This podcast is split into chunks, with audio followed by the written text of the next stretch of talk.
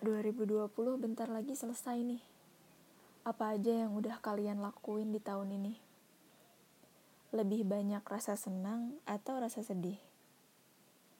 Berapa orang yang masih stay di hidup kalian? Dan berapa orang yang ternyata udah habis masanya buat ada di hidup kalian? Banyak banget hal yang dari 2019 sudah direncanakan, tapi harus gagal karena pandemi karena isolasi, atau karena hal-hal lain yang bikin tahun ini jadi tahun paling berat buat semua orang. Tadinya, tahun ini aku mau nulis buku lagi. Seru aja karena aku juga gap year kan. Jadi waktu luang banyak banget. Dan bisa banget dipakai buat nulis. Tapi ternyata 2020 gak sepemikiran sama aku. Udah Desember nih dan aku malah berhenti nulis tahun ini. Minat baca aku juga berkurang. Kayaknya karena tahun ini rasanya udah banyak banget hal berat yang harus dipikul deh.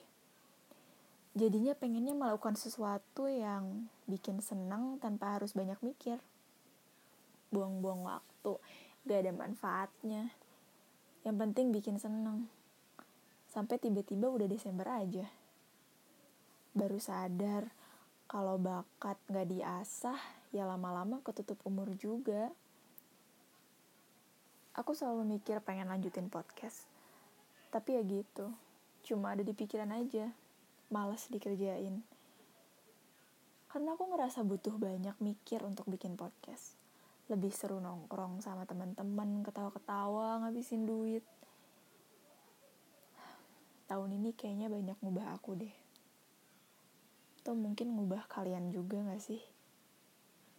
Ingat banget, waktu awal pandemi, berat banget rasanya.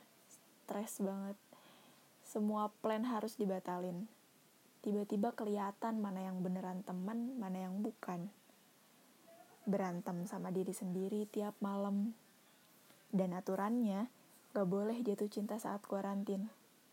Tapi banyak di antara kita yang jadi korban rasa bosan termasuk aku. Hmm, dari tadi kita bahas hal-hal buruk ya, tapi kita semua tahu, seburuk apa pun hidup, akan selalu ada hal yang masih bisa kita syukuri. 2020 ngajarin aku banyak hal. Banyak banget. Tahun ini tuh jadi kayak ujian naik level kehidupan. Berat, tapi kalau kita mau dan mampu bertahan, kita pasti bisa lewatinnya. Dan pasti ada satu orang spesial yang kalian temuin di tahun ini. Mungkin orang itu yang jadi alasan kalian bertahan sampai sekarang.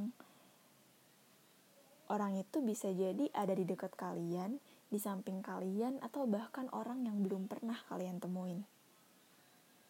Aku kira 2020 cuma bakal ngasih rasa sakit aja. Aku mikir kayak pasrah deh, bentar lagi 2020 berakhir nanti tahun depan aku mulai hidup baru lagi. Tapi ternyata belum nyampe ke 2021, aku ketemu seseorang. Singkat banget kenalannya. Tapi ketemu dia tuh rasanya kayak bercermin. Keras kepalanya, gengsinya, sama banget. Dia bawa banyak bahagia yang aku hampir lupa gimana rasanya. Tapi lagi-lagi nih ya, 2020 ngajarin aku untuk gak berekspektasi terlalu tinggi.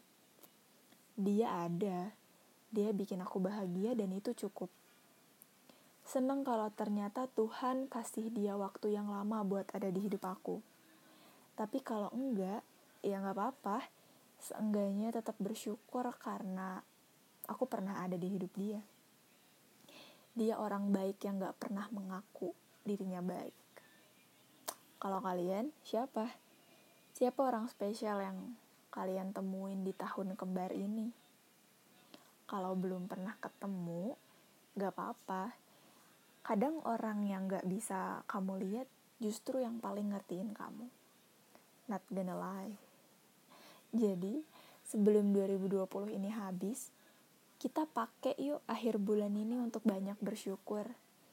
Bersyukur karena di tahun yang berat ini kita bisa bertahan sampai bulan terakhir bersyukur karena udah banyak hal berat yang berhasil kita lewatin, atau banyak hal berat yang masih mampu kita pikul sampai sekarang. Bersyukur kita masih dikelilingi orang-orang yang sayang sama kita, orang-orang yang kita sayang. Bersyukur atas banyak hal. Udah cukup ngeluhnya di 11 bulan ke belakang. Akhir tahun, kita bawa hal-hal yang positif aja. Dan yakin kalau tahun depan akan jauh lebih baik. Karena besar kecilnya suatu masalah itu tergantung dari cara kita memandang masalah tersebut.